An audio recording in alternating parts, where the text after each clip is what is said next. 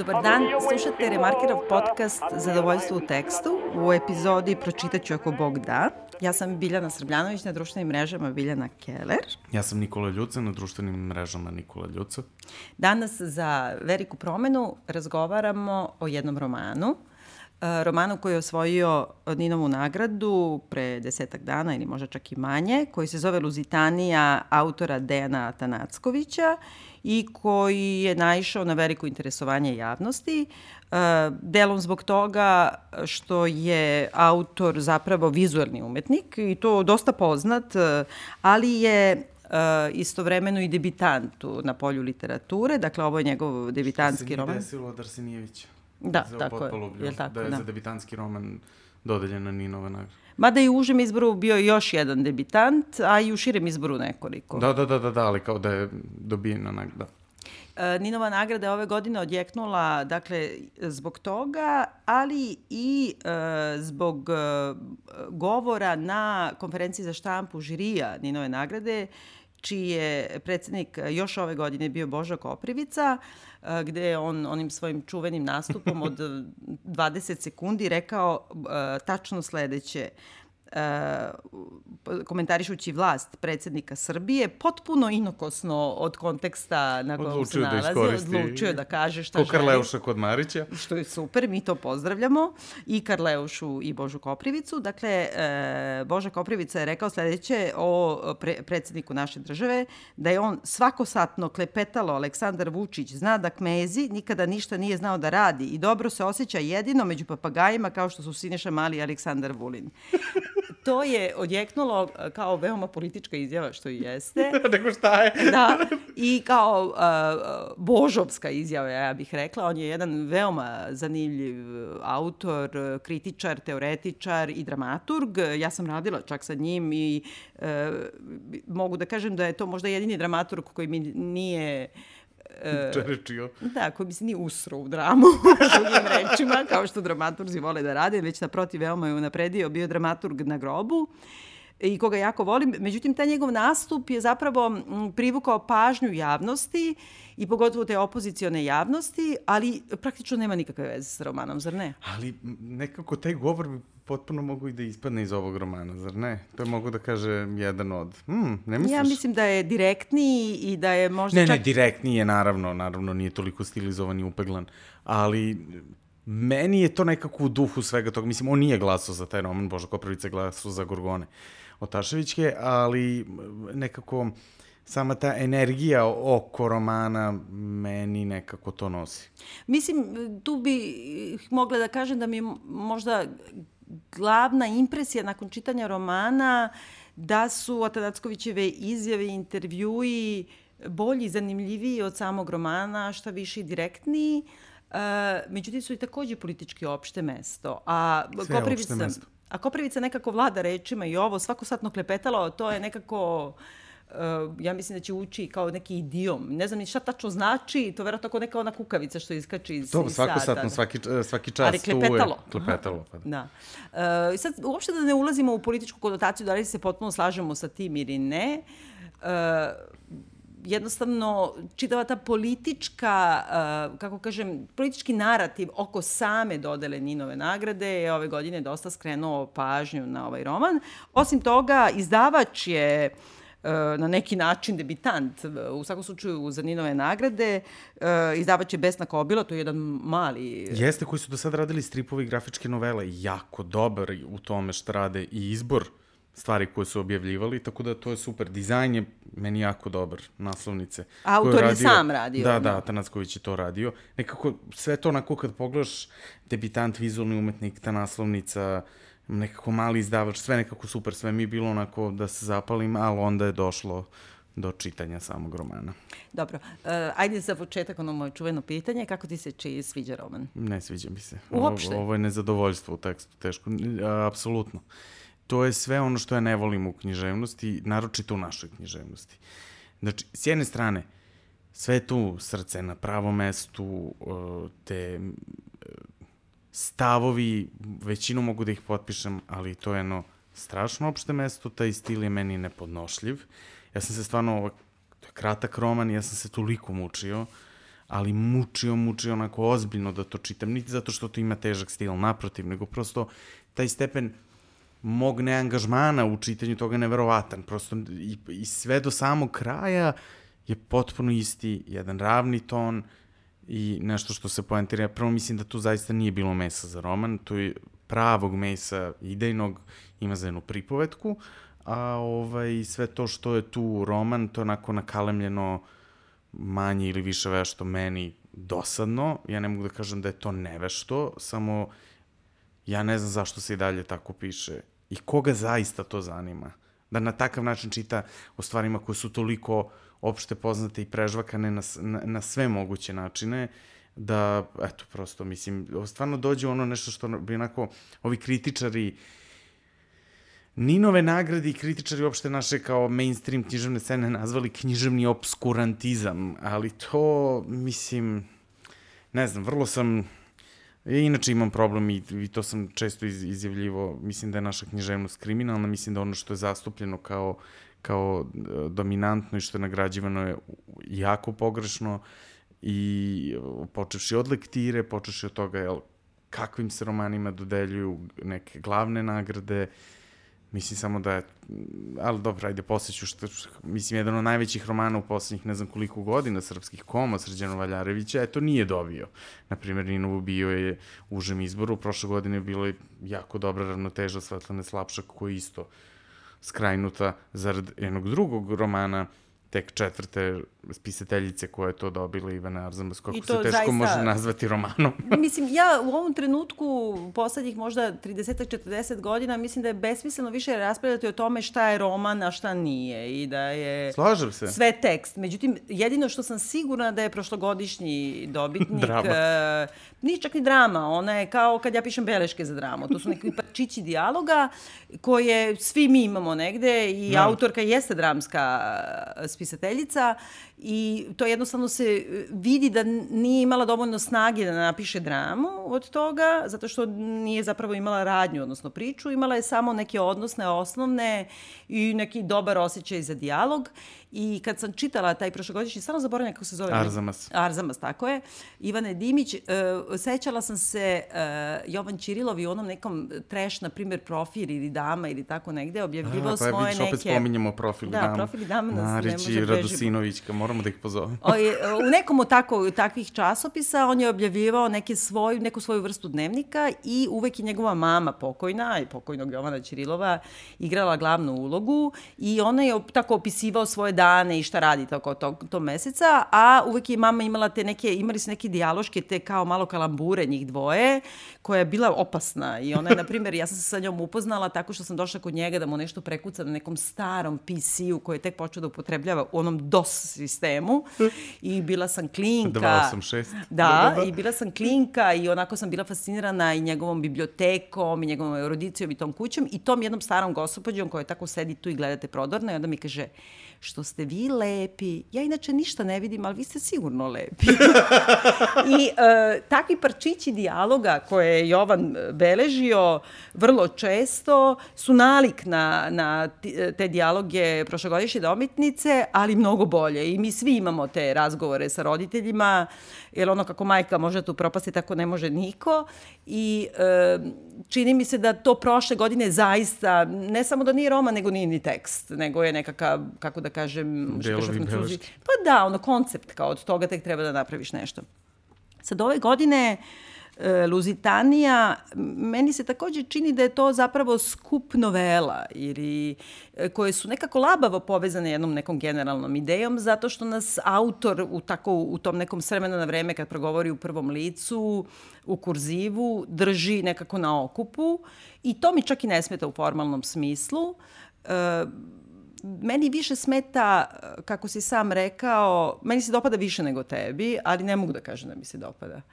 I takođe sam imala muku da pročitam roman od 250 strana koje de facto pročitaš za pola dana u suštini kad se malo koncentrišeš. Ne, ja sam 100 strana čitao ceo dan, ja sam odvojio jer sam neke strane čitao po nekoliko puta, jer do te mere nisam imao liniju za koju sam ja mogao da se uhvatim A opet kažem, to nije težak stil, to nije ništa, nego, eto. Na... Stil je za mene, kao i korice tog romana, kao i čitava ta priča dizajnerski. I nekako, evo, objasnit ću, e, sama naslovnica romana izgleda vrlo zavodljivo, zato što se razlikuje od e, uobičajenih naslovnih stranica naših romana i naših izdavača. Su loše i nekako ofrlje urađene, uglavnom, osim kod dva, tri izdavača. Pa dobro, geopoetika uvek ima Geopoetika, jako da, to da. sam hteo da oni, da, naravno, da, mislim, dva, tri, ako jedno. Čekić je valjda tamo i umetnički pa direktor pa da. bio.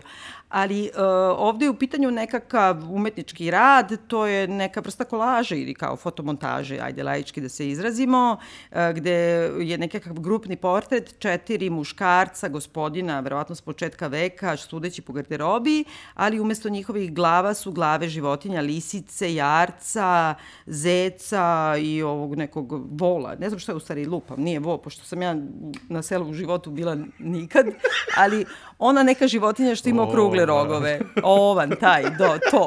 Dobro, dva ovna na brvnu ili jarca. Nebitno. U svakom slučaju neke tu domaće životinje koje su ipak poznate po svojim nekim karakteristikama, ako ništa drugo iz Ezopa.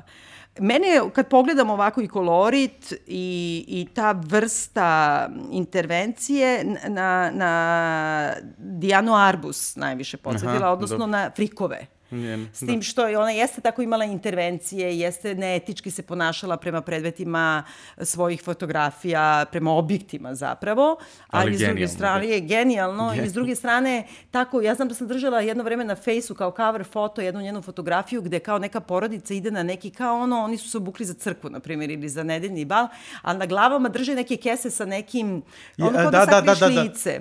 I drže tako nekako vrlo slično ovome I e, to je taj period u suštini koji... Ti on referiš u, u samom romanu, taj tip baš fotomontaža koje su rađene, koje su bile tako popularne, da se zamenjuju lica sa životinjama i to, to je prosto bilo onako otkrivanje mogućnosti relativno mladog medija i kao samo poigravanje koje koje I... fotografski medij koji promenio jel samo istoriju slikarstva, pa onda kako, je, kako se to onda mešalo i sa pojavama raznim, raznih umetničkih pravaca 20. veka, kako se to prelivalo u fotografiju samo.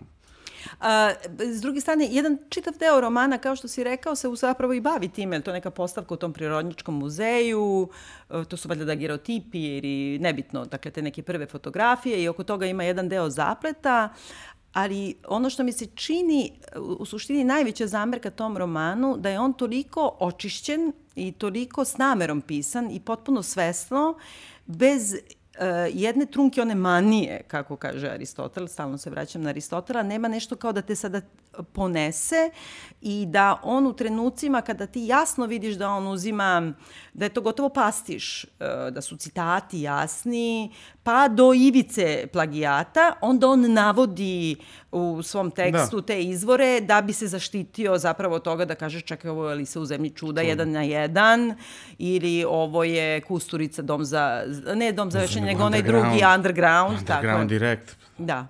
I, e, znači, s jedne strane ima tu neku veštinu i nameru u, u, i očišćenost e, i zato ne postoji nikakva emotivnost. E, s druge strane, ono za mene što je bitno, a to je, a sad neću da tupim ovog puta o tome, a to je da nema praktično ni jednog ženskog lika do nema, kraja. Nema. Do kraja nema. ima samo ona čerka se pojavi. Da, i ova to žena. Posredno, ovaj, da. da. I to je to. I e, treće, zato što tako znaš, ja dok sam čitala, stalno sam sve vreme razmišljala i sam mogla uopšte da utonem u to, nego razmišljam na šta me ovo podsjeća, na šta me ovo podsjeća Kao nekad kad si gledao to Kusturičine filmove, pa onda su tad pisali ono Pajkićevci, ovo je mazno odavde, ovo je mazno odavde, ovo je mazno odavde, pa kao nekakvu vrstu forenzike moraš da radiš kada, čitam, da je meni to takođe nebitno. Pa je ono od Borgesa, od Tomasa Mana. Ima, od... ima nekog tu jadnog magičnog realizma, ali bez realizma. Mm. Nego je ostalo samo to nešto magično, utopljeno više u neku meni žurnalistiku, eseistiku, e, koja je tako hiperlinkovana. Ti si čak rekla u jednom trenutku Wikipedija i to je, to je tačno, to ima jednu tako trash enciklopedičnost u sebi, koja nije enciklopedičnost koju može da ti ponudi Umberto Eco, na primjer. Da, ja sam pomišljala vrlo često na Umberta Eka zbog toga što je zaplet zapravo neka vrsta, mogli bismo reći, detektivskog zapleta, zbog toga što mi o, ipak pratimo onako tu neku... dobro namerno. Da pa da, ali ipak pratimo neku vrstu misterije. I sad, e, za naše slušalce, da ne spojlujemo mnogo, e, radi se o tome da je prva bolnica uh, duševna bolnica u Beogradu, koja... Na Balkanu? Na Balkanu, tačno, u pravu si. Uh, u Beogradu krajem 19. veka napravljena, to je dom za Sauma Sišavše, je li tako? Da, Obrenović krstio. tako je. I uh, Obrenović? Da, da, da. Dobro. Da. Dobro. ja, ja i, i dinastije smo malo, sad jeste tačno u pravu Pa si Dobrenović, pa nema to ko drugi, bili, tačno, da, da. Nema ko drugi, pardon, da, ja se izvinjavam, toliko znam Milan, ja. valjda. Ja mislim Mihajlo, ali dobro, nebitno. Mihajlo, moguće, da, okej. Ovaj, e, I ona dan danas postoji, dakle, odmah naslonjen na, na Lazu Lazarević, brate, u Da, na kliničkom našu centru. glavnu, jel ono što mi u- popularno zovemo ludnicu. Pa da, Laza. I tu je e, zapravo, ona se zvala Doktorova kula i dan dana se zove ta Da. zgrada tako i zanimljivo je da kad je noć muzeja onda e, publika može da ode i da poseti i, i to kao izložbeni prostor i kao neka vrsta istorijskog fakta i dosta je očigledno zanimljivo. I e, nije samo zanimljivo što je to prva duševna bolnica, nego je zanimljivo je sad u tom nekom, kako kažem, paraistorijskom narativu. Ti ne znaš šta je tu tačno, šta su dokumenta, šta je on to isto jako izmislio. nategnuto, da. Mislim, to jeste kao dokument da je, šta je to kao, da je to, da je ona imala neku ekstrateritorijalnost za vreme okupacije Austro-Ugrske Beograda, ali to... On objašnjava to kuriozitet, uh, i šta se može naći na Wikipediji, dakle, da je ta duševna bolnica bila pošteđena okupacije, verovatno i zbog toga što... Niko ne hteo se bavi njima. ba se bavi ludacima, ali istovremeno e, korišćena kao neka vrsta skloništa, da se tu, između ostalog, i Petar Kočić e, krio na neki način, lečio ili krio, da su neke pripadnike kraljevske dinastije tu krišom lečili, ali da je bila otvorena narodna bolnica za Sauma Sišavše I ono što navodi, dakle, Atanacković, a ja sad nešto ne mogu da utvrdim u u nekolikodnevnoj pripremi za podcast, da li je to zaista bazirano na faktima ili ne, da je sistem lečenja tu bio na neki način moderniji i da e, u, barem u romanu se radi o tome da dolazi do izjednačavanja lekara i pacijenata, znači neki Fukovski ajde, princip, izjednačavanja lekara i pacijenata, izjednačavanja ludila i razuma i da svi zajedno čine tu jednu neku eksteritoriju, je tako, neku eksklavu u sred okupirane zemlje, e, koju Atanacković naziva Luzitanija po onom brodu, kruzeru, jednom od prvih kruzera, u stvari, kako bi se rekla, transatlantik brodu, da. da.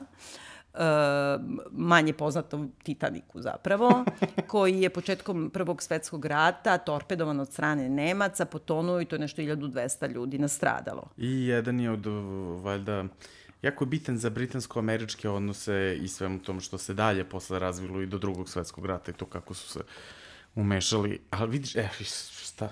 A, pa, kao bitno je za te odnose zbog toga što, kao navode istoričari, da je to bio razlog pritiska javnosti da Amerika uđe u Prvi svetski rat, iako nije odmah, nego tek posle, ne znam, ja mislim, godinu dana i da Woodrow Wils- Wilson je na početku imao tako komentare koji su na, nailazili na osudu javnosti. Tu je nešto 150, na primjer, Amerikanaca nastradalo, od 1200 sveukupno Da. Ali e, ono što je meni zanimljivo i što mi je vezano za sam roman je da je Lovecraft prvu pesmu koju je ikada objavio, objavio, uh, ja ne mogu nigde da je nađem, samo sam našla samo kao Podatak. opise. Molim, o tome, i zove Da. se kao zločin nad zločinima, Luzitanija, gde je on, zapravo, on je bio antipacifista, to svi znamo, i rasista, jeli, i on je Ozbiljno zahtevao, da, i on je zahtevao da Amerika zapravo uđe u rat, zbog toga što je smatrao da je prvi svetski rat, građanski rat unutar bele rase i da su nam to po, podmetnuli, jeli, E, te u tom smislu nije mogao da shvati kako Amerika može da ostavi na cedilu svoju braću po rasi, a to, je, to su Englezi. I sad ima nešto Lavkaratovskog, e, ja mislim, u ovom stilu, politički pre svega, ja bih rekla. Na koji način? Pa, znaš šta, evo, ja sam pokušavala to nekako da fokusiram, ali e, zapravo čitav roman mi ovako k- kada ga sažmemo u nekakav narativ koji može da se prepriča, zapravo i nije takav, jer ti, Nije kao to, što smo nije rekli... doživljaj romana, da. Da. Ti zapravo kada uh, ga čitaš, ti vidiš da je to neki para ili alternativna istorija. U jednom trenutku sam mislila da je to ko fraj, na primjer da je šta bi bilo da je bilo tako. U jednom od prvih poglavlja on govori o majoru Gavriloviću, koga nikada ne imenuje i kaže čuveni major koji je održao govor, vi ste svi otpisani puk, poginućete ovo ono, a onda ispriča alternativnu istoriju istoriju u kojoj kaže, a onda kad su otišli ovi svi oficiri, on ih je poslao kao da odnesu vest, onda je okupio ponovo vojnike, znači obične ove prašinare i rekao im, slušajte sada, u stvari je plan da se vi svi skradete, presvučete, pobegnete odavde, ja ću ostati poslednji i uh, oni kad budu ušli, oni neće ni znati zapravo šta se desilo, idite da živite svoje živote. Znači, um, protivno tom stradanju zarad stradanja i onda ima nastavak, meni se svidelo to parče priče, nastavak kako, kako austrougarski vojnici polako ulazi kao tišina je i gledaju gde vreba zaseda i onda kao svuda vide samo kao neke košuljice od zmija, uh, uniforme pobacane svuda, koje kao tela da su potpuno iščezla, a u stvari vojnici su se presvukli, pobegli uzbrdo Dorčelom, izbrisali negde i kao ostali da žive nakon toga, uključujući Gavrilovića kao koji je... Zni Dragomirović. Ne, Gavrilović. Pa ja mislim Gavrilović. Da, lepo smo se spremili. Da. Precizno. Dobro, u svakom slučaju... To je moj kraj. Meni je to bilo zanimljivo, na, na, ono banalno kad se priča o, o, o Beogradu i kad znaš jako... Ja volim romane, čak i kad ne znam gradove koji se precizno fiksiraju na neka mesta, kako se bave gradovima, da detaljno ulaze, tipa kad čitam Odijana, to, to on kad sad navodi toliko tih parijskih ulica koje što ne mogu da pratim, niti meni to geografski nešto znači osim nekih kada ako spomene neki trg koji je poznati i to, ali to daje neku autentičnost. Isto mi je taj deo bio zanimljiv, pored toga što, jel, kao ja živim tu, pa sad kao znam tačno te krajeve, kako se to promenilo, šta je, Ali znaš što je zanimljivo? Negde se pročitala da je pošta, postojala jedna ludnica i na Dorčulu, tako da to verovatno ima neke veze i sa tim. Ne znam tačno gde, ali kao mini Luzitanija je postojala negde na Dorčulu. Ali samo sam htela da završim to kako ga vezujem za Lovecrafta. Dakle, tu u tom njegovom pacifističkom nastupu, ja bih rekla da on se ne naslanja na njega. Ali sama ta ideja da je Luzitanija stradanje te neke kao više, pra, kako kažem, urarijevske rase po Lovecraftu, da, da. Uh, gde su izmešani svi ljudi, ali beli ljudi i više klase. Baš sam negdje čitala na Luzitaniji, čak i treća klasa kabine su bile, imale ono predsoblje, antre. znači nije Titanik. Znači, ne, ne, nije. Pušionicu opijuma i ne znam šta. I um, on je, Lovecraft tu govori to o Teutonu, o tom kao narodu, ajde da kažemo germanskom narodu, germanskog porekla, belcima, brate, no, no. objašnjava Arija, uh, objašnjavajući zašto ne treba Englezi ili Amerikanci da ratuju sa Nemcima, jer su oni svi zapravo ista viša rasa. I nekako o tome govori, o toj tragediji, kako je to podmetnuto da Nemci da udari svoj na svoga, da Nemci torpeduju u stvari jedan civilni kruzer i ubiju svoje. E sad, um, ovaj, taj glavni junak, jedan od glavnih junaka, koji je kao preživeo taj brodolom i koji ima neke svoje beležnice u ovom romanu. I, I sad kako on do, doputuje na kraju do... Da, on se zove uh, Teofilović. Teofil. Teuton, kao narod i teutonski vođa i teutonsko ludilo nije isto, zato što, da, aj, tu, te, gledala sam, ajde, Teut je narod, to je kao i ovo je, ovaj, ka, kako se zove, onaj Gavran a, a Teofilović je teofilija. Da. Ali i dalje ima neki koren reči koji mene vuče na to da kada Lovecraft govori um, o, o Luzitaniji i govori to o, o, o ludilu, a ovde se ovaj glavni junak koji preživljava i doživljava neku vrstu tog teutonskog ludila i nekog kako kažem, izolovanosti od ostatka sveta i razočaranosti, zove Teofilović, nešto mi tu sad već sve to, i ta neka potreba da se ti ujediniš, izoluješ od ostatka sveta koji te okružuje i napada, e, da tu vlada neka potpuno druga pravila ponašanja, da moramo potpuno da ih izmenimo, da su da šta je ludilo, šta je razum, onaj ko ti je neprijatelj možda ti nije neprijatelj, znači ta neka vrsta relativizacije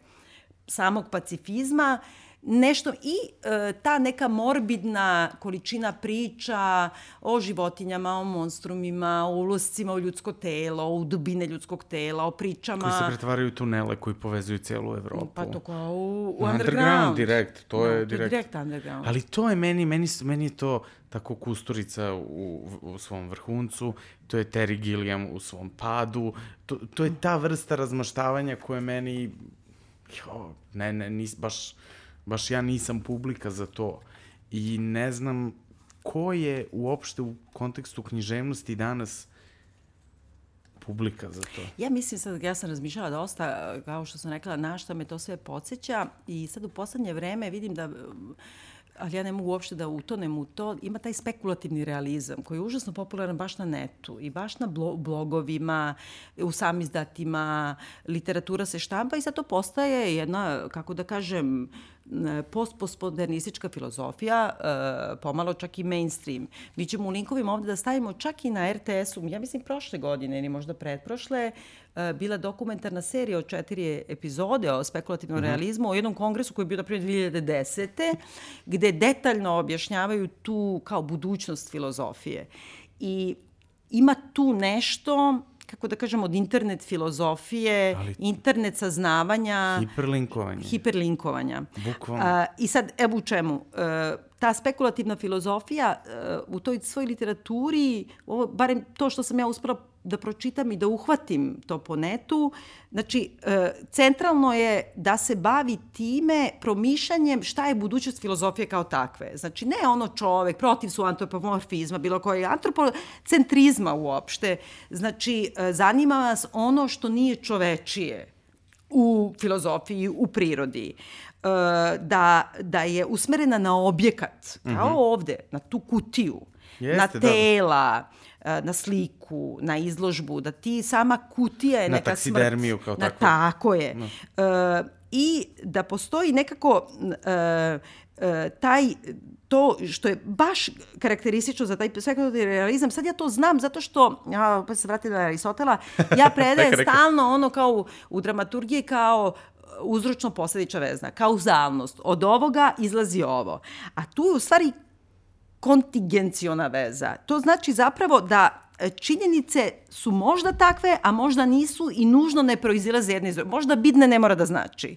I to je meni suština ovoga. Ti ne znaš da li je to, da li je to stvarno, jer se bazira na istinitim podacima, istinitim imenima, ti negde prepoznaš da nije stvarno, nego da je romansirano, da je baladirano, ali negde ono toliko daleko ode da ti sad više ne znaš da li je to dokument ili nije i više ti nije bitno. I to je, i to je i njegov stil, sam način na koji on piše to što ima tu neku žurnalistiku koja je mm. bukvalno to tako, samo jedna tako malo histeričnija, jer, jer su to je na trenutak meni de, na trenutke meni delovalo kao nešto što je jako zbuljivo, kao da su tako neki naleti u kojima se nešto Jest. ispaljuje, ali opet to, isto to nije, to nije zadržano, I to je taj moment kad ti kažeš da je, da je to sad proračunato, ja nisam siguran koliko je proračunato, pogotovo ako gledamo ka, hm, neku genezu ovoga, on je, on je pre romana imao jednu instalaciju koja se tako zvala. Mm -hmm. I ovo je nekako kao neki nastavak sve, svog istraživanja i svih obsesija koje on imao na, en, na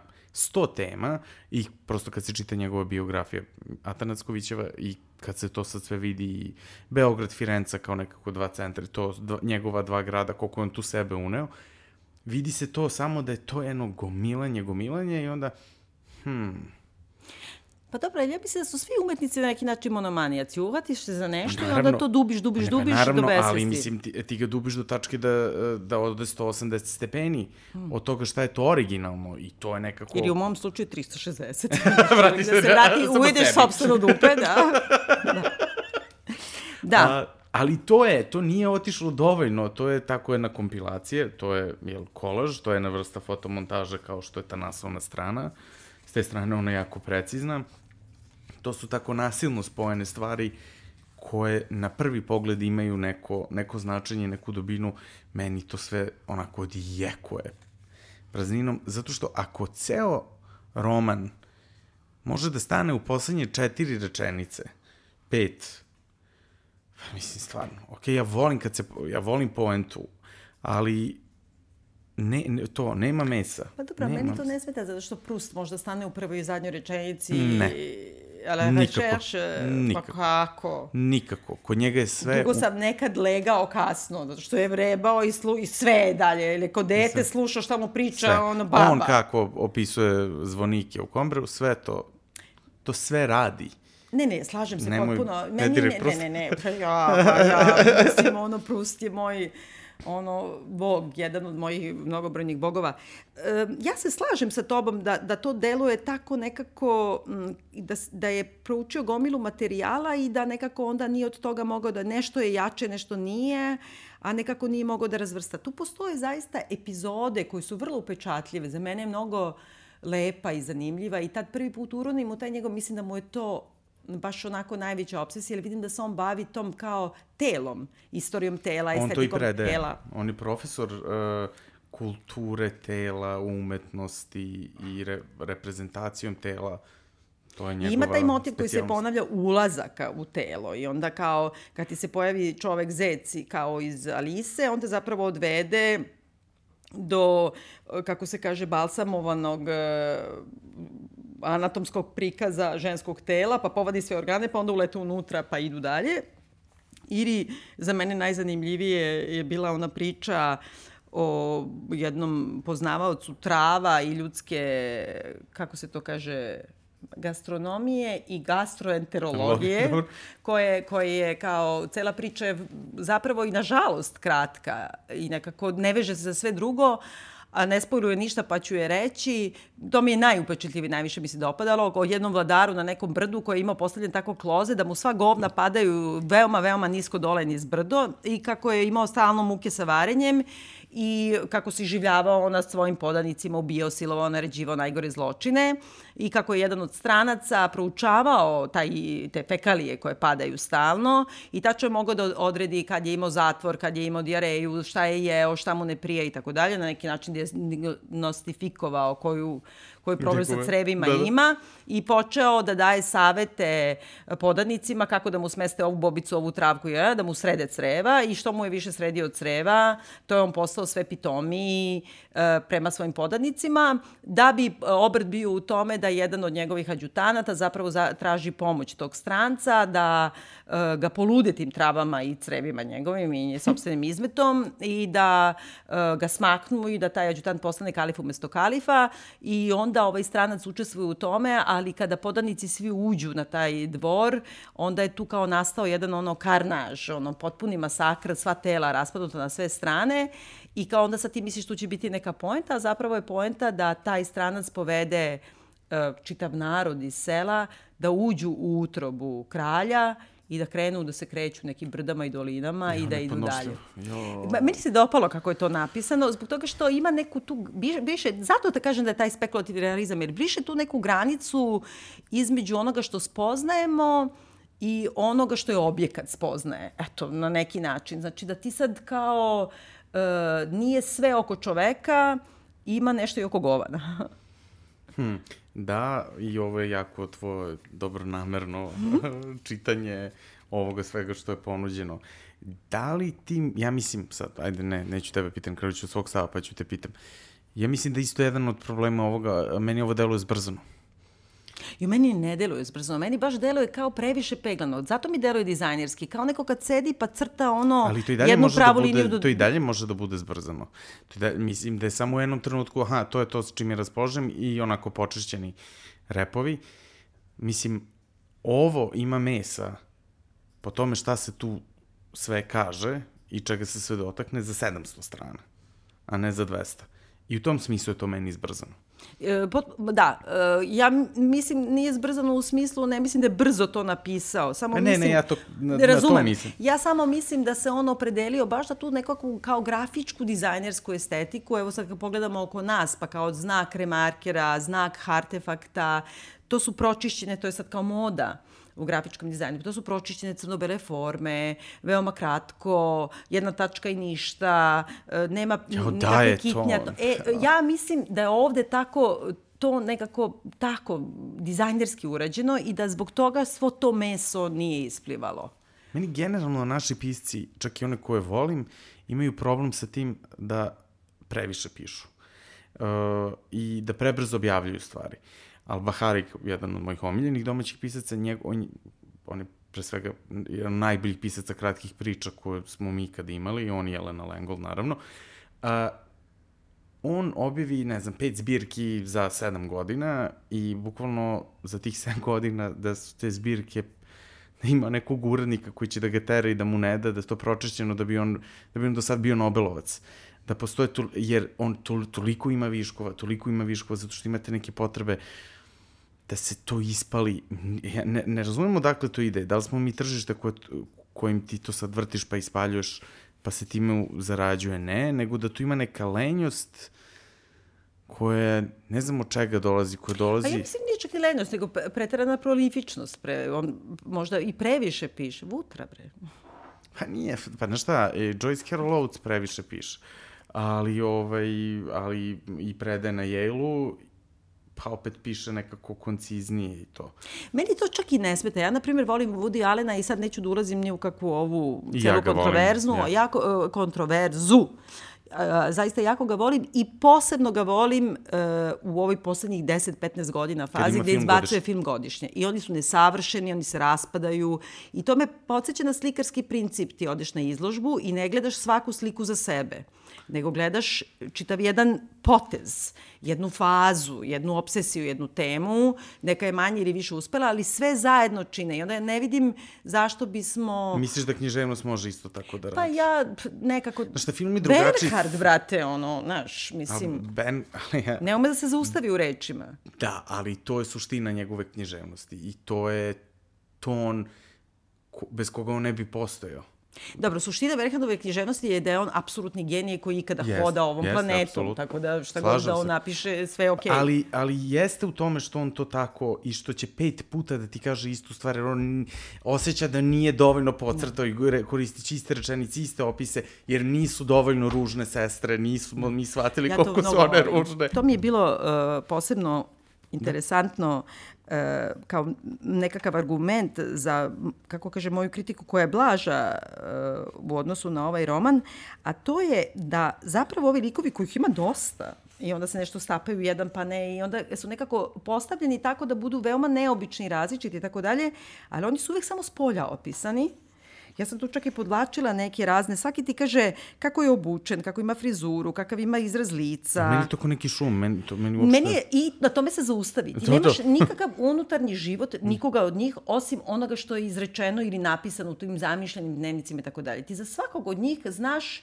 tačno kako on ne običaš, kakva je on vrsta frika kao na, na fotografijama o kojima smo govorili, ne znam, ovaj ćelav ima glavu zeca, podsjeća na zeca ili nije. Svaki od njih ima samo s polja nešto objašnjeno. A to je, to govori, odakle on, misli, to je njegov kontekst sa taj, da kažem, vizualnih umetnosti, pa da on tako postavlja stvari mm. i na taj način i piše da u stvari samo opisujete neke svoje scene i sekvence da. kako to vole, ali kažu nekako, fantazmagorije.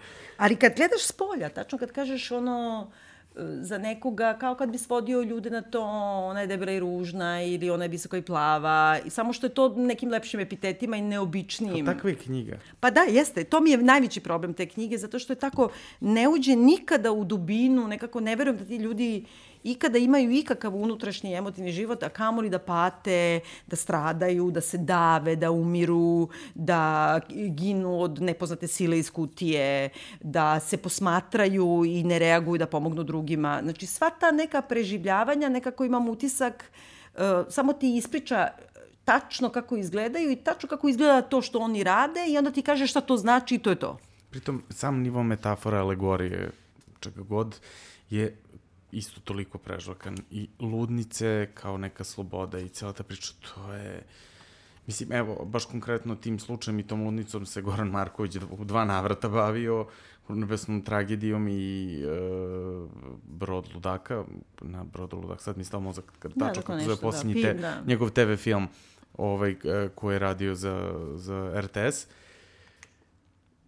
I onda se, kad ja, stvarno bi trebalo zabraniti metaforu na taj način. Mislim, Ali leti za kukaviće gnezda, izvini. Mislim, to je bavljenje ludnicom na neki baš...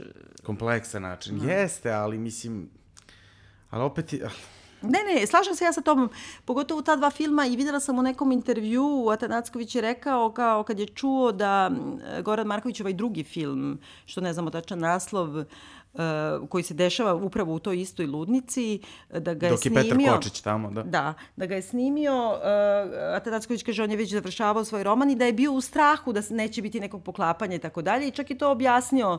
Pisali su ga u vreme uh, kada je bila to stogodišnjica Prvog svetskog rata, to, pa je logično da se svi sad interesuju za tako neke stvari, ali onda je video i da to nema nekakve veze i taj drugi film nisam gledala, ali me dosta podsjećao na ovaj iz 90-ih. Uh, Urnebesnu tragediju snimana u Bugarskoj. Da, i koja je nekako za mene... E, I sad gledaj, evo, baš sam pročitala u njegovom intervju da mu je e, jako važno da pojasni da kritički se osvrne, pogotovo na 90. u Srbiji, pa čak i na 2000. da smatra da su ovde političke elite stalno nas uterivale u tu neku, u taj neki trop o tome da smo mi ludi, a na neki romansirani način, ta naša agresija i nesreća, mi pijemo, pijemo i pucamo i ljubimo se, pa kao u undergroundu, jeli, u, u, nabodeš nekog glavom pa ga onda oženiš i da je to prosto naš usud i zbog toga sva naša stradanja je tu našu usud, romantično osud, ludilo. Niko Ali onda i on to sve može da, u jednoj rečenici u kojoj, ću, koju sam baš zapisao i koju ću sad da pročitam, opet se to onda sve sv, sv, sv, svede na jer dok se ludilo vekovima hapsi i tamniči, glupost se od uvek raskošno slavi. Čiča, miče, gotovo priča. Mislim, toliko su te vrste poenta meni banalne i pripadaju ono, to je Antoni Isaković, mislim. Da, to da, ali Lula Isaković ima stvarno neke, mislim, on je onaj trend, izvini, to je jako dobar. Ja sam si, uvek sam ono, hejtovala Luleta Isakovića, ali u stvari kad čitaš trend, to, je, to su jako, jako dobri romani. Ne mogu. Veruj mi, veruj mi, ono, ne, ne, znam, ali veruj mi, nema veze, to, to je tako u životu. Mislim, zli ljudi nekad naprave i veliku literaturu. I, mislim, to je čak onako, baš zato što je proživljeno i na neki način se i vezuje za ovo. Dobro si rekao, zbog toga što su to opet izolovani ljudi sve u nekom to, logoru, sve. stradaju i tako. Ali ima ovde neke te internet filozofije, što meni tu najviše sve smeta. Mislim, ovo bi bio možda neki jako čitan blog Bravo. tako sa, sa da, nekim, da, to, to bi bio neki znaš, nekom začudnom publikom. Sajt da, sa da. kojim bi mogao... Da. Ali to je to, to je došlo iz istraživanja za jednu instalaciju i onda je nakalemljeno u roman, a naši jel, književni stručnici, pakao. Jer ta, to, vraća se na taj spekulativni realizam baš zbog tih blogova i znaš, oni uh, insistiraju na tome da kao, to on kaže negde u romanu, sad ne mogu da kopam, ali kaže kao svaki čovek u sebi ima, ne znam, sedam osmina ili ne znam, mhm. devet, os, ne, čega god, životinje i tu životinju skriva a zapravo i onda kao se na neki način civilizuju i pokazuju onom jednom osminom preostalom, a zapravo ga ta životinja na neki način i određuje. Onda on ima spominje ono, to sam ja spominjala u svojoj baš toj drami Mali mi ovaj grob, o Fe, Francu Ferdinandu, koji je bio pasionirani lovac, ali da, do te da. mere da je ono napravio kao ekološku katastrofu, pomor životinja, da su to bile tone, tone ono karkasa svuda na, nabacane, ono potpuno ono mrcina koje ničemu ne služe, nego samo njegovom zadovoljstvu u ubijanju i da to likvidiranje ljudske životinje zapravo nas smešta u ovu postojeće filozofske, socijalne, moralne, tralala okvire i a tome se protive zapravo ti ti novi kao ja, realisti. Da, ja, evo sad to kako si pričala, da se podsjetila na to sa životinjem, da on ima onograma barokne genijalnosti, to, to, bi, to bi odgovaralo neki barokni stil ovome, umesto tog suvog Gavril Stefanović Venclović mi sad pa, pameti crni biv u da. srcu. Da. I te stvari, mislim, čak, čak sad da budem malo luđ, uh, hm, Pavić, Pavić bi ovo pa mnogo da. bolje da. napisao. Da. Ne znam da li bi bolje napisao, ali lično Pavić u pravu si, to mi nije palo ja, na pamet. Ja neke Pavićeve stvari jako volim. Jo, ja ne mogu, majke. Neke, neke, neke. Ja nikad neke. neću zaboraviti kad sam, na primjer, bila ono osmi razred ili tako nešto i onda čitam predao si, ne, nije ni predao čaje, nego one neke pripovetke prve neke, ne znam šta. I onda kaže, ono, imao je ukus matematike na jeziku. E onda sam uzela knjigu, udarala, udarala u zid, pa udarala u glavu i rekla, uh, ono, Ne, ne, pa dobro, ušao je sam. Matematika nema Mislim, ukus. A kad napišeš hazardski reči kao svoj prvi roman, kažeš šta sad dalje? Dalje je to posle sve eho da, dobro si koji rekao. Ble, koji bledi i mislim, ali on, on je najbolji prevodilac, on je, koga smo mi, njegov prevod od njegine je nešto najsavršenije. To je srpski jezik onako u, u svojim najlepšim izdanjima. I ovde, čini mi se kad si rekao baš jezik, tu ima i neke te kao malo preciozne učenosti, zato što s vremena na vreme kao ide u aorist, pa kao onda tako jo, da, trudi aorist. se da traži, traži nekakve izraze, da, dobro, SMS aorist, da. kako se zove, i truži se, trudi se da traži neke izraze koji su mi baš u, u, u oči, onda kao, na primjer, netremice je slagao. Pa nije netremice, nego netrepnuvši, je li tako? Ne, ne mogu. Mislim, ima tako neke kao, hoće da kaže nešto malo učenije ja, nego vidiš, što ja jeste. Ni, da, ali ja nisam ni došao dotle, jer, jer ne mogu da razumem uopšte šta se na toj strani sve desi i da li ja ta imena treba da pamtim i da imam odnos prema To je njima. onaj neki što je kao izgubio nešto kad je poludeo pa je optužio nekog svog prijatelja. A ti posle više nikad ne saznaš zašto Ništa, je on... tako, to je- Mislim, on je samo ludi i ode. To je bila onako dekorativna... Ima, nešto što Staša Bajac lepo kaže jezik kao dekorativna kategorija. Da. Ovaj, skoro pa da pripada tome. Ja bih uvela ovako jednu, kako kažem, kvotu koju pisac debitant prideva može da upotrebi po Tako, stranici. Jel da? I onda kao- Zaokruži, zaokruži nepotrebne ovoliko, prideve. Ovoliko prideva imaš, pa ti se rasporedi, brate, ako hoćeš se u jednu rečenicu, ako hoćeš razvuci. Metaforu mora da otabri komisija E, instituta ali za... e, sam htela da kažem, da se vratimo sad na kraju možda i na tu političku priču. E, između ostalog, e, on je održao tu, kako oni kažu, besedu e, za dobijanje nagrade, koja je ovako, zvuči da je politička. ona zvuči da je politička i ona u suštini, kad pogledaš, ona se dakle, deklariše na sledećim izborima, izađi pa glasaj protiv Vučića, u suštini. Apsolutno. Samo je to rečeno nekim rečima koje su tako malo paraliterarne, ovaj, e, govori, ne znam, o političkom, političkom podsvesnom, e, neuroze pojedinca i neuroze društva su vezane, e, nesvesno upravo polje naj, najvećih investicija vlasti, jer kao vlasti u, upravlja tim tvojim političkim nesvesnim i potrebno je usočiti se sa tim političkim nesvesnim i građanin koji oseti stid, stid sp- sagledaće sebe i odmah razumeti da u životu sobstvenu zapuštenu kuću najpre potrebno očistiti. Ja stalno govorim o tome e, kako kad si u situacijama nekim kritičnim, pa sad kao lupam ratna situacija, situacija disidentstva, bombardovanja, čega god, migrantski i tako dalje, da je potpuno prirodno da se ti toga stravično bojiš, ali da postoji neki stupanj stida od sobstvenog straha koji ljude koji se toga stide teraju da naprave nešto veliko. I ja se s tim slažem sa njim, da treba da se postidiš, da te bude strah ili da budeš nezainteresovan, ali nekako mi se ovo svodi da se okreš kao počisti sopstvenu kuću kao što glasaju za patkicu. Je tako? U suštini mi je nekako kao Ali nekakva... to je taj mozak, to je ta tačka, to je taj stav prema životu i prema jel, umetnosti. Jer kaže, da ti kažem, mislim, ovo ovako stvarno, ja mislim da ove, od ove patkice može da bude e, kao njihov estetski program. Političnost umetnosti je zato neminovna činjenica, jer je politika baš kao i umetnost oblik mišljenja jezika. No shit. Mislim, A to, to razumeš? uopšte What the fuck ne- does it mean? Mislim, ono, kako kažem, čitala sam Deridu jedno dve godine, ono, jednu knjigu, razumeš? Da razumem baš ovo, naravno, na francuskom, da razumem baš ovo i na kraju se svede na ovo. To je tako neko jedno opšte mesto kao ajmo sada svi da imamo zajedničke bašte jer je bolja ekologija nego ne ekologija. Eto. Bolje biti pijan nego star. Nekako potpuno opšta mesta, a onda on u tim intervjuima e, govori, na primjer, da je e, prezire umetnike, ne govori nikad puna imena i, i to ne navodi primere. Nije, dakle, kao Božo Koprivica. Da, da, da, nije pljuvački nastrojen. Ne, ne, ali kaže, na primjer, da je najviše mrzeo, ne znam, kad priča o ludacima, onda govori o tom mentalitetu našem. To ima čak i bre ovaj Dvorniković ima ono, naš jugoslovenska neuroza. Kao, e, to je Naš zanimljivo. mentalitet, jao. Ne, ne, ali dobro, on karakterologija Jugoslovene, on objašnjava PTSD kad se nije znalo da je to PTSD. Da, to je da. posledica drugog svjetskog rata, partizani, da, da, da. brate, oni svi ludi.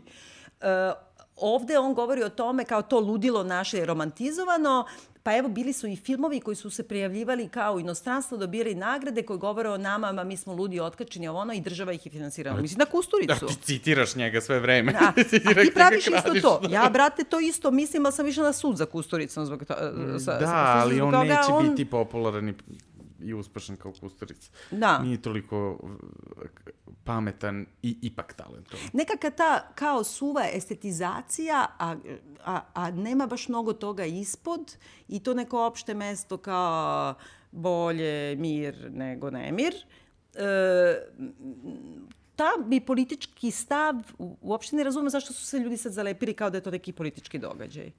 To mi nije jasno. Mislim, videla sam na doderi, došli su svi, ono, Krcato, cela... krcato, baš ne, ali baš kao event svi, bio, kao da. do, od Đilasa i, i Borka. Že, I Boža Prelović, svi, svi, svi. Mislim, nekako, uh, kao da je to sad kao opozicioni događaj godine, a ne mogu, možda je nama promaklo nešto. Jao, s- da, verovatno. Verovatno nešto što je jako duboko misao. Ili, ili je možda neka metafora u tome da sad Beograd treba da se oslobodi SNS pa da bude Luzitanija. Pa da krenemo nem- tom- Da, da, pošto smo mi, da, mi smo ludnica. Pa... Da, i da krenemo Jo, nem- jo, pa to ne znam, evo, pokušavam da nađem samo neko da objašnjenje. a takođe ću da platim ovako ono moje plaćanje, sve ću platim 100 konvertibilnih maraka ako mi neko dokaže da je Dragan Đilas pročito knjigu. Ne, nemoj, nemoj, nego, nego da... Čekaj, samo jednu stvar pre nego što... Mislim, kad dođe na dodelu nagrade, književne, a poznati po tome da ga mnogo nije Da, da, zanimala veliki, kultura. veliki poštovalac i ljubitelj Ajde, brate, da vidimo šta smo razumeli. Da, da, da. Uh, zašto je ovaj naslov ovakav podcasta, molim? Ha, naslov podcasta je ovaj, zato što govori o toj jednoj, dakle, stanju svesti kod nas. E, U nas, u Srbalja. U nas, u Srbalja. E, dakle, ja sam tražila malo po netu izveštaje sa dodare Ninove nagrade i onda sam našla na N1, koju zapravo manje više jedini pratim, i e, gde je taj izvesni komentator koji se zove E, čoban e, Da, nešto. nije Don Geđa, nije Čobanov odbor, ali tako nešto, pošto bi sad isturala baterija na kompjuteru, pa ne mogu da odvorim, otvorim. I sad na tu, kao ceo tekst oko toga, da je bila polemika, da je Boža Koprivica glasao za Mirošku Rotašević, zbog toga što smatra da se njen roman bavi holokaustom, homofobijom, progonom Roma i tako dalje, da je direktno poziva na pobunu, a da je ovaj više opisan i cela kao taj verik jedan neki komplikovani tekst i komentar ispod je bio, pročitaću ako Bog da, veliko B. I, I, sad o, i space- 25 lajka. da, i to mi je nekako, uh, sad me zanima ovako, da možda otvorimo i tu temu za nagradnu igru. Ako Bog da da znam sva slova, ako Bog da da imam lovu da kupim, ako Bog da da zapamtim ime Ako Bog da, da imam vremena da dođem dotle. ako, ako Bog da da ne bude zabranjen, uh, ako, ili je to bilo ironično da će Bog uh, kad ostavi motiku i budem imao vremena za tu vašu buržuasku zabavu, pa da čita mi neki roman. I samo me zanima 25 Ček, ljudi. to bi bilo najbolje ako je, Pa dobro, ako je da. neko to stvarno mislio, to je ekipa koja napada Olimp, možda bi Pa da, tako. možda su oni rekli, ali ne bi oni rekli Bog sa velikim B. I samo me zanima ovih 25 ljudi koji dođu na N1 i lajkuju taj Pročitat komentar. Pročitat Bog. će Bog, da. Znači, Bog treba da ti dozvoli, brate, sedi, čitaj nešto, skini se s interneta. To je Čitajte moje... nešto drugo. Čitajte, eto, ravnotežu.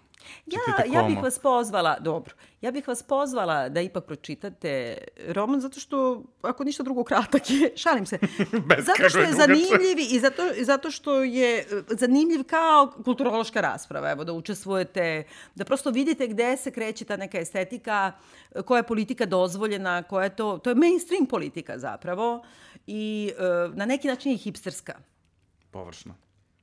Ali s druge Plitka, strane, da. nepolitična u svojoj suštini. Nema misao. Ali s druge strane, e, e, htela bih da kažem, da vas pozovem naravno da ponovo e, komentarišete e, ovaj, na, na našem fejsu I e, zato što su nama ti komentari višestruko zanimljivi i važni, u, u prošloj emisiji smo se ovde potukli oko Call Me By Your Name i velika većina komentatora su tim ljuca, odnosno na tvojoj strani. I moram da kažem da dobrim delom ste me ubedili. ja i dalje mislim da sam ja u pravu u onome u čemu sam ja govorila, to je kao ženski likovi, bla, bla, bla. Ali ste mu zapravo otvorili oči da užasno sam suženo gledala kroz jednu prizmu koja mene zanima i to u ovom filmu očigledno nije važno. I ja jednostavno ne treba da, da pričam svoj film, ali dobro, to je zadovoljstvo teksta. ja ga, Jeste, pa ga mi smo tu da tako Tako da po, po, pozdravljam, ne pristajem, ne priznajem sudove partije, ali pozdravljam uh, vaše procene i osude mog mišljenja i verovatno ste u pravu, ali ja neću nikad posustati. Eto, dakle, javite nam se, napišite nam šta mislite i o savremenoj našoj književnoj produkciji i o ovom romanu, a i o nama ovako. Da, aj, najbolji komentator će dobiti nagradu. nešto u stihu, molim. Neku misao u stihu. Da. I ko iščupa ovog Lovecrafta, da li to postoji stvarno ta, E, da, da, to ta bi bilo pesma, super. to bi bilo zanimljivo da vidimo. Eto, hvala ti na razgovoru. Hvala tebi, zdravo. Ćao.